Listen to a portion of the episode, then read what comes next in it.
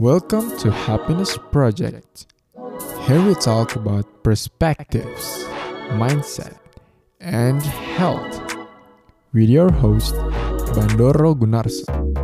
You're on the way of creating your own made happiness.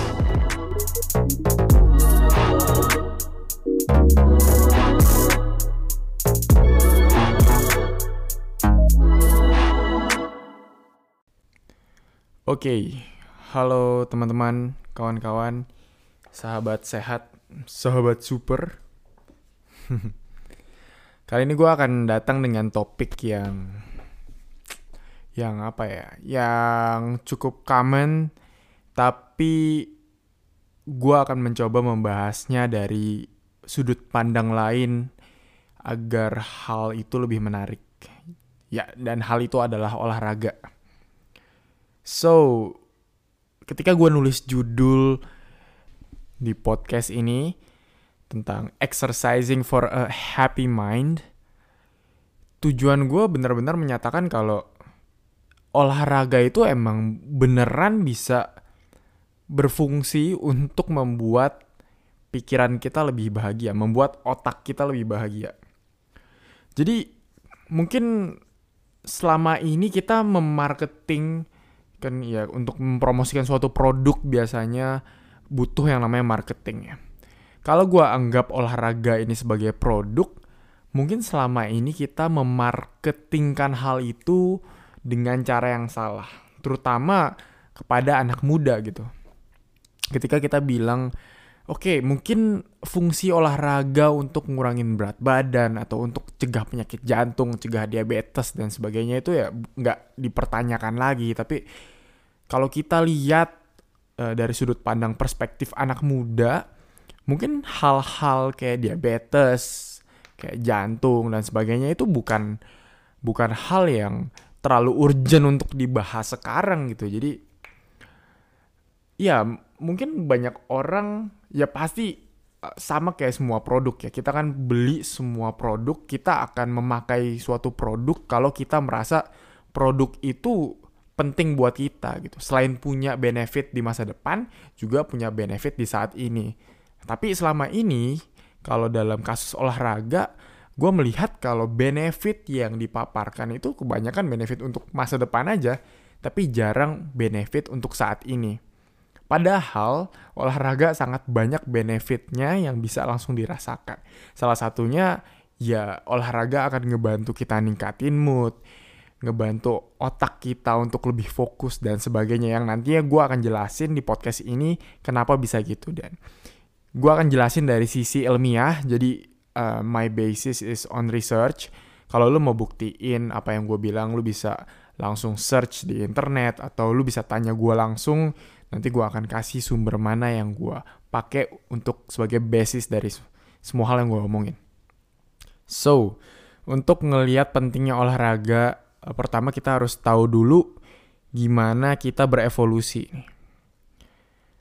Kita uh, sebagai manusia modern itu baru berkembang dengan teknologi yang sedemikian rupa itu kan baru di akhir ya di akhir abad-abad ini kan.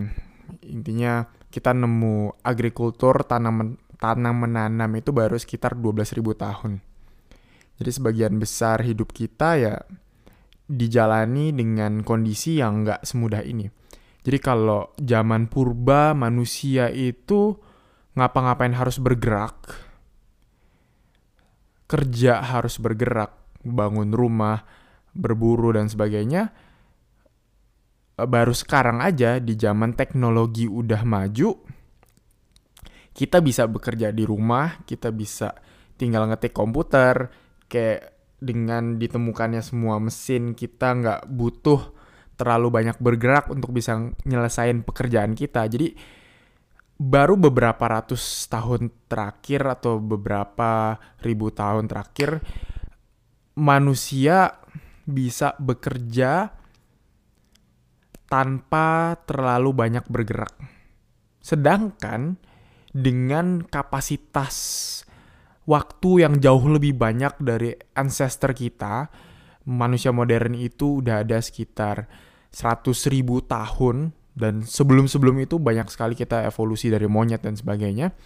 Selama waktu yang sangat besar itu, di mana kita berevolusi sedemikian rupa, kita itu berevolusi untuk bergerak dengan intensitas yang cukup banyak gitu.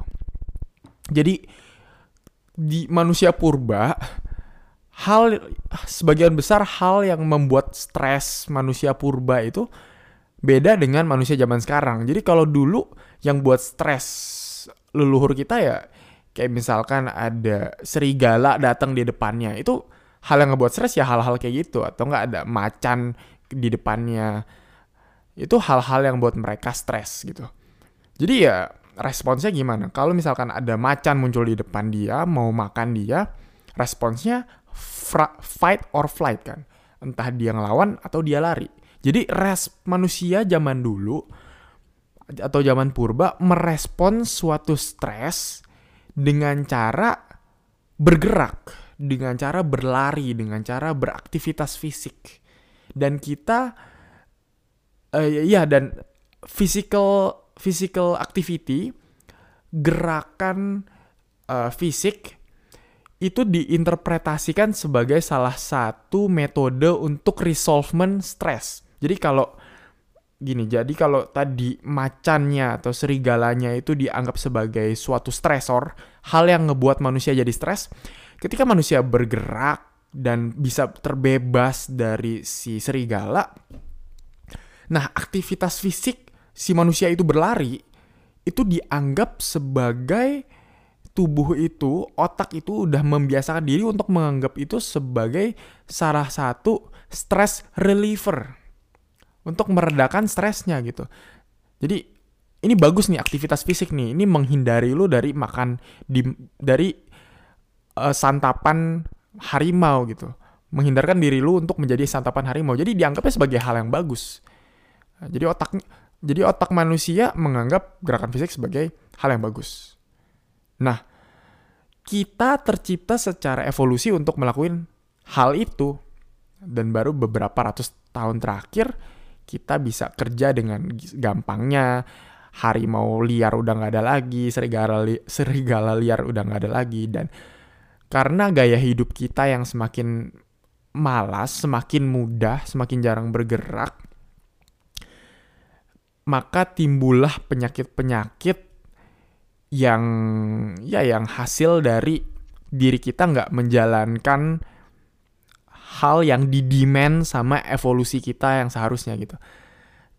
Jadi makanya penyakit kayak diabetes makin banyak, penyakit obesitas makin banyak, serangan jantung, kolesterol semuanya makin banyak dan yang yang yang apa ya, yang cukup menarik dari hal ini adalah dengan meningkatnya jumlah obesitas, dengan meningkatnya jumlah diabetes dan penyakit metabolisme lainnya, tingkat depresi juga meningkat, tingkat anxiety juga meningkat, tingkat stres juga meningkat. So pasti kita bingung gitu di mana korelasinya dan kalau kita tarik garis lagi ke yang tadi di mana aktivitas fisik zaman dulu itu ketika lu lari atau enggak ketika lu ya kerja sehari-hari kan butuh aktivitas fisik. Nah, evolusi membuat aktivitas fisik itu sebagai salah satu metode stress reliever. Nah, kalau kita hubungin garis itu, ya zaman sekarang kan kita nggak butuh lari dari kejaran harimau lagi kan. Nah, oleh karena itu, olahraga sebenarnya merupakan salah satu hal yang krusial gitu. Untuk tetap mempertahankan demand atau permintaan dari dari evolusi kita dari kebutuhan biologis kita yang seharusnya tuh kita harusnya diciptakan untuk kita harusnya diciptakan untuk bergerak gitu. Mesin ini badan ini diciptain untuk gerak. Dan ketika dia nggak pakai nggak dipakai untuk bergerak ya timbul berbagai macam masalah So, itu basisnya kenapa olahraga menjadi salah satu hal yang sangat penting. Nah, sekarang, jadi gue akan bahas nih, efeknya olahraga itu apa aja sih? Efeknya olahraga apa aja? Seperti yang tadi gue bilang, gue akan berfokus kepada efek olahraga terhadap healthy brain terhadap happy brain. Oke. Okay? Kalau otak lu healthy, otak lu sehat tentu aja dia akan jadi lebih bahagia gitu. Oke. Okay.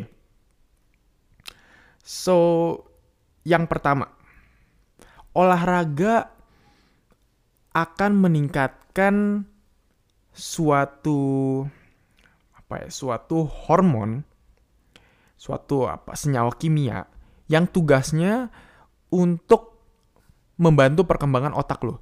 Jadi gini, mungkin kalau selama ini lu pernah ngedengar gitu, otak kita tuh berhenti tumbuh pas umur 20, sebenarnya nggak gitu. Jadi gue juga baru tahu beberapa bulan terakhir ini, sebenarnya otak kita itu selalu berkembang, Pak. Jadi otak lu itu selalu bergerak. Jadi saraf sarafnya itu bisa muncul yang baru ketika lu belajar hal baru, saraf yang baru muncul ketika lu eh, nggak uh, belajar atau lu males nggak dipakai otaknya ya sarafnya makin sedikit intinya gitulah. Nah dan yang ngebantu pembentukan sel saraf baru itu adalah suatu senyawa kimia. Salah satu yang ngebantu pembentukan saraf baru ada ininya nih, senyawa kimia atau hormon yang namanya BDNF. Ya intinya ini nggak lu nggak nggak usah ingetin juga nggak apa-apa. Tapi kalau lu mau cari bagus, BDNF namanya brain brain derived neurotrophic factor. Intinya dia ngebantu perkembangan otak. Nah, dan BDNF ini dia bisa naik ketika lu ngelakuin olahraga. Oke? Okay? Jadi um, pastinya perkembangan otak kan dibutuhin banget nih untuk lu belajar. Terutama lu yang masih muda, kan lu pasti banyak belajar ya. Entah belajar kuliah lu atau belajar bersosialisasi, belajar public speaking dan ketika lu belajar public speaking pun sebenarnya ada bagian otak lu yang baru tumbuh tuh, yang sedang memba membangun koneksi-koneksinya. Dan pembentukan koneksi ini akan jauh lebih cepat, jauh lebih efisien kalau ada si BDNF ini. Dan olahraga bisa ningkatin BDNF ini. Jadi ya pastinya olahraga membantu lu untuk belajar lebih baik. Itu intinya. Nah ini udah dibuktiin, jadi ada research yang ngelihat kalau aerobic exercise selama 20 sampai 40 menit itu bisa ningkatin kadar BDNF di darah ini sebanyak 32%. Nah, dan penelitian ini juga um, pokoknya intinya research tentang BDNF ini dan olahraga ini ngebuat uh, perdana menterinya Taiwan ningkatin jam sekolah uh, olahraga anak-anak muridnya jadi dua kali dari dua kali per minggu jadi tiga kali per minggu. So jadi ini udah terbukti bahkan uh, dalam penyelenggaraan negara sampai bisa ngubah kebijakan negara itu berarti kan udah sangat approve banget. Oke, jadi pertama olahraga akan ngebantu lu jadi lebih gampang belajar, jadi lebih pinter. Gitu. Kedua, olahraga bisa ningkatin hormon-hormon yang berpengaruh dalam kebahagiaan diri lu. Jadi um, hormon-hormon yang berfungsi di kebahagiaan kita antara lain adalah mungkin lo pernah dengar namanya dopamin, serotonin, norepinefrin. Intinya kalau tiga hormon ini apa ya? Kalau tiga hormon ini berada di otak kita dengan jumlah yang cukup, dengan jumlah yang uh, selayaknya, dengan stabil, maka tingkat stres kita akan lebih rendah, kita akan lebih mudah mengalami satisfaction, motivasi kita akan lebih tinggi, attention kita akan lebih tinggi. Dan kekurangan hormon hormon-hormon yang gue sebutin tadi bisa nyebabin depresi atau enggak uh, attention deficit dan sebagainya gitu. Nah, ternyata olahraga itu bisa bantu kita ningkatin hormon-hormon kebahagiaan ini. Dan ini udah terbukti juga di research. Jadi researchnya tuh ada kayak olahraga 30 menit tiga kali seminggu terbukti sama efektifnya kayak lu mengkonsumsi obat depresi. Nih di orang depresi ya. Jadi mungkin dia ngelakuin penelitian di orang depresi ternyata olahraga tiga kali seminggu bahkan cuma 30 menit itu sama efektifnya kayak obat antidepresi gitu. Yang yang yang obat antidepresi ya gunanya untuk naikin hormon-hormon yang gue sebutin tadi. Terus olahraga juga bisa bantu orang yang ngalamin attention deficit. Jadi kalau lu kurang fokus jadi kalau fokus lu berubah-ubah terus, lu susah banget fokus sama sesuatu, olahraga akan salah, sangat ngebantu lu untuk bisa fokus sama hal itu. Bahkan bisa ningkatin motivasi dan sebagainya. Intinya research udah ngebuktiin hal itu. Oke, jadi tadi yang pertama, otak ningkatin hormon BDNF. Kedua, otak bisa ningkatin hormon atau senyawa kimia di otak yang namanya neurotransmitter yang bisa ningkatin tingkat kebahagiaan lo. Yang ketiga nih. Jadi seperti yang gue bilang tadi ya, seperti yang gue bilang tadi, um, nggak gue bilang dulu deh. Yang ketiga nih, brain, eh brain lagi, olahraga bisa ningkatin alertness lo, alertness otak lo, gitu. Jadi intinya ketika lo olahraga, otak lo akan jadi lebih alert dan ketika otak lo lebih alert, otomatis otak lo akan lebih fokus dan lo akan lebih fokus untuk kerjain segala sesuatu nih. Jadi um, apa ya? Nah, balik lagi ke yang gue cerita tadi. Kan ketika manusia purba nih atau makhluk-makhluk ancestor kita zaman dulu, ketika dia mengalami suatu uh, stresor, suatu hal yang ngebuat stres kayak misalkan harimau atau serigala, kan um, respons mereka adalah bergerak kan. Bergerak secara fisik. Nah, karena kita udah berevolusi sekian lama dengan hal itu, otak kita jadi mempersepsikan si gerakan fisik ini sebagai hal positif. Jadi dianggap oh lo oh lo gerak nih. Oh ini hal positif nih. Nah, karena dianggap sebagai hal positif, karena itulah apa ya olahraga atau gerakan fisik juga bisa membuat otak kita jadi lebih alert, lebih apa ya, lebih steady gitu. Jadi membuat otak kita lebih fokus juga. Jadi kayak apa ya?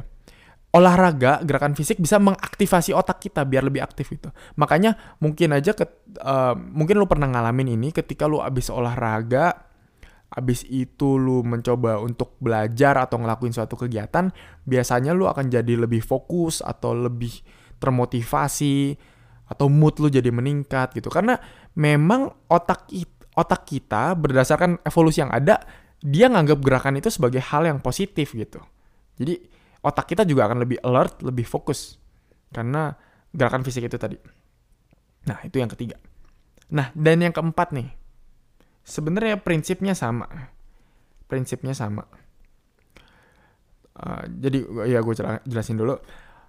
Olahraga bisa menurunkan olahraga nih secara jangka panjang atau secara rutin secara overall bisa nurunin kadar hormon stres yang ada di badan lo dan mungkin lo pernah dengar nama hormonnya ini namanya adalah kortisol jadi kalau manusia uh, stres, kalau lu stres mikirin apa, mikirin gebetan atau mikirin um, masa depan gitu, kalau stres lu berlebihan, tingkat kortisol di badan lu tuh bakal naik.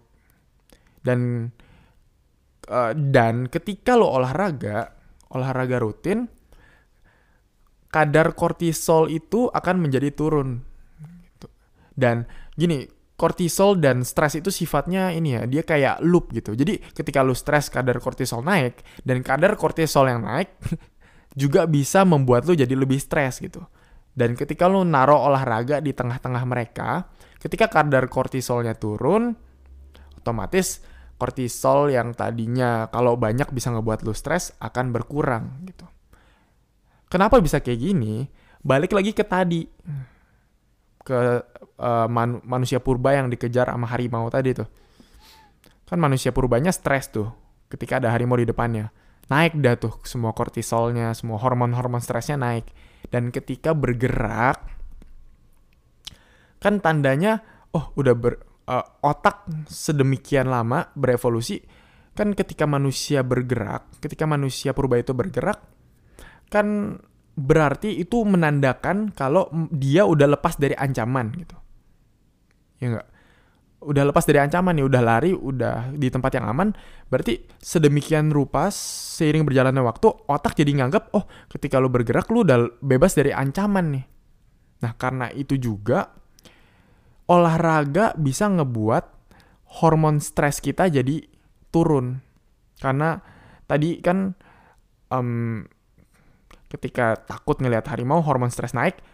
Nah, hormon stres ini kan harus dibalikin jadi turun lagi. Nah, ketika olahraga olahraga inilah yang men-trigger bisa men-trigger men-trigger hormon stres ini untuk bisa turun ke kadar yang normal. Jadi nggak ngebuat kita tambah stres.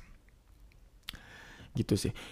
Sebenarnya ini gue mencoba apa ya mencoba menjelaskan hal-hal ini sesimpel mungkin. Jadi sebenarnya ini mekanismenya lebih kompleks ya. Tapi mungkin kalau gue jelasin terlalu lama juga nggak um, kayaknya nggak tepat kalau gue jelasin terlalu lama di sini. Intinya tadi gue mencoba menjelaskan sesimpel mungkin dan mungkin ada beberapa step yang gue potong demi mensimplifikasi penjelasan. But ya kalau lu mau masih bingung mungkin tentang mekanisme kok bisa gini gitu gini gini gini gitu, gue bisa menjelaskan dengan lebih jelas um, ketika lu tanya langsung mungkin sama gue atau lu bisa chat di DM atau ya di mana pun intinya kalau lu pengen tahu lebih lanjut lu bisa tanya sama gue dan gue akan menjelaskan lebih jelas karena untuk menjelaskan secara lengkap butuh waktu gitu so semua hal yang gue bilang tadi udah dibuktiin secara research oke okay? Oke okay. jadi itu efek-efeknya dan ya jujur pak jujur sebenarnya gue juga orang yang sangat males untuk berolahraga gitu. Tapi gue olahraga udah lumayan rutin ya. Gue udah olahraga rutin itu dalam sekitar sejak gue kuliah. Jadi udah dua tahun terakhir itu gue rutin olahraga itu minimal empat kali seminggu. Dan sebelum-sebelumnya juga udah tapi ya kayak on off on off gitu ya. Tapi sekarang udah rutin dan sekarang bahkan ketika gue nggak olahraga gue ngerasa ada yang kurang gitu tapi ya rasa males itu pasti ada. Dan jujur sebelum gue tahu ini gue juga lebih malas lagi untuk olahraga gitu. Gue olahraga lebih kayak anjir terpaksa ngapain sih olahraga. Tapi setelah gue tahu hal-hal ini, setelah gue tahu hal-hal yang gue sebutin tadi, setelah gue mendalami dan gue lihat researchnya sendiri, gue jadi bahkan gue ngerasa rugi gitu kalau gue nggak olahraga. Jadi apa ya? kayak kenapa gue nggak ngelakuin suatu hal yang dampaknya bisa sebesar ini buat otak gue gitu ketika lu bisa ngelakuin suatu hal yang akan sangat berpengaruh untuk masa depan lu, untuk stres lu, untuk kebahagiaan lu, dan ya caranya tinggal keluar lari atau ke nge-gym dan sebagainya. Ketika lu nggak melakukan itu, kalau dalam perspektif gue ketika gue nggak melakukan itu ya gue ngerasa rugi gitu untuk invest ya kayak sehari cuma 30 menit sampai satu jam untuk olahraga aja ya gue akan malah jadi gue sekarang ngerasa rugi ini kayak lu menolak menolak apa ya menolak uang yang sangat banyak menolak emas gitu ya atau apa pun itu yang lu suka bisa diumpamakan. Ya jadi ketika gue tahu efek olahraga terhadap kebahagiaan ya gue ngerasa rugi ketika gue nggak olahraga. Dan perlahan-lahan ketika gue udah rutin olahraga ketika gue udah merasakan peran olahraga dalam membantu gue untuk menangani stres untuk meningkatkan mood gue dan sebagainya ya gue jadi uh, ketagihan sendiri untuk olahraga dan malah ketika nggak olahraga kayak ngerasa ada hal yang kurang gitu sih yang gue rasain so pengetahuan gue akan hal ini ditambah gue udah merasakan dampak realnya membuat gue jadi jadi ngerasa olahraga bukan buang waktu tapi malah suatu hal yang sangat produktif dan gue malah merasa rugi kalau gue nggak olahraga gitu. Nah dan terakhir uh, sebagai penutup gue ingin mungkin uh, memberi caution atau apa ya ya sekedar mengingatkan kepada teman-teman bahwa hal-hal yang sifatnya profound, hal-hal yang sifatnya hebat dan signifikan kepada hidup kita itu jarang jarang banget bisa digapai sama cara-cara yang sifatnya instan gitu. Um, sal, sal, contohnya misalkan kalau lu mau tajir dan kaya gitu, ketika lu cari cara yang instan ya ujung-ujungnya ya ke ke korupsi atau cari duit dengan cara yang nggak bener atau dan sebagainya nipu orang dan sebagainya gitu. Sama kayak kebahagiaan gitu. Ketika kita cenderung mencari cara yang instannya yang penting gue bahagia aja lah bahagia dengan cepat.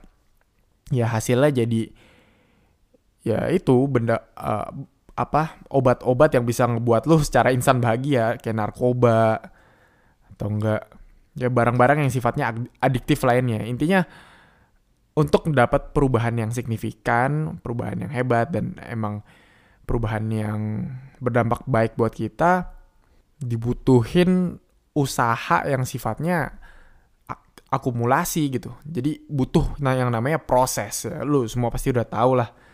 Jadi gue pengen bilang kalau ketika gue bilang olahraga bisa ngebantu kebahagiaan dan sebagainya ya nggak nggak bakal dengan sekali lo olahraga lo langsung bahagia gitu.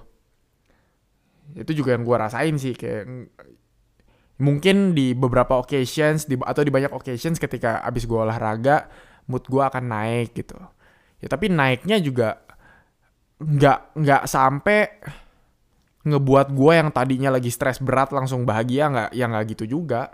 Bukan berarti kalau gue lagi stres parah atau lagi ada sesuatu ya stres parah terus gue olahraga terus stresnya langsung hilang ya nggak gitu juga gitu. Jadi tapi olah gue gue ngerasain kalau olahraga itu sifatnya lebih ke kayak akumulasi dia. Lebih akumulasi, lebih kayak sebuah proses yang lu harus rutin ngelakuinnya biar lu bisa ngerasain dampaknya gitu. Jadi mungkin misalkan ketika gue olahraga empat kali seminggu gitu ya. Jadi di mungkin ketika gue agak stres gitu, agak stres sedikit, mungkin setelah olahraga mood gue jadi agak naik sedikit gitu. Dan mood gue yang agak naik sedikit mungkin mencegah gue dari melakukan tindakan yang sifatnya impulsif dan mungkin akan membuat gue lebih stres lagi besoknya gitu. Dan terus menerus berakumulasi, akumulasi, akumulasi, mungkin lama-lama ya bisa signifikan dampaknya gitu.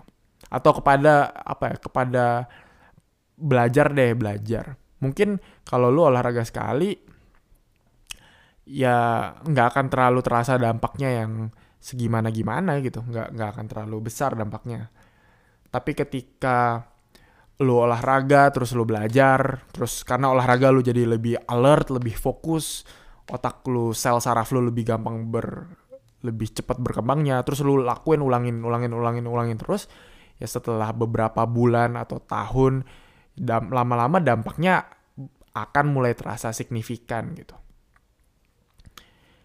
Ya dan ya ini juga gue nggak nggak cuman gue yang ngalamin jadi ada teman gue mungkin kalau lu tahu teman gue yang sering gue ajak di podcast John. Kalau lu tanya dia salah satu hal yang paling ngubah hidup dia ya dia pasti jawab olahraga gitu. Dan dia dia pun orang yang ngebuat gue jadi rajin olahraga gitu. Dan ditambah dengan gue tahu ternyata research mendukung ke arah sana bahwa olahraga bisa ngebuat kita lebih bahagia ya gue jadi lebih sering bahagia gitu. Eh lebih sering bahagia lebih sering olahraga gitu. Gitu. Dan apa ya? Iya, mungkin itu aja sih uh, eh, gue nggak bisa apa membuktikan kalau gue sebahagia apa sekarang. Ya gue masih manusia pasti ada naik turun ya stres dan sebagainya. Gue juga nggak bilang gue bebas dari impulsivitas bebas dari stres dan sebagainya.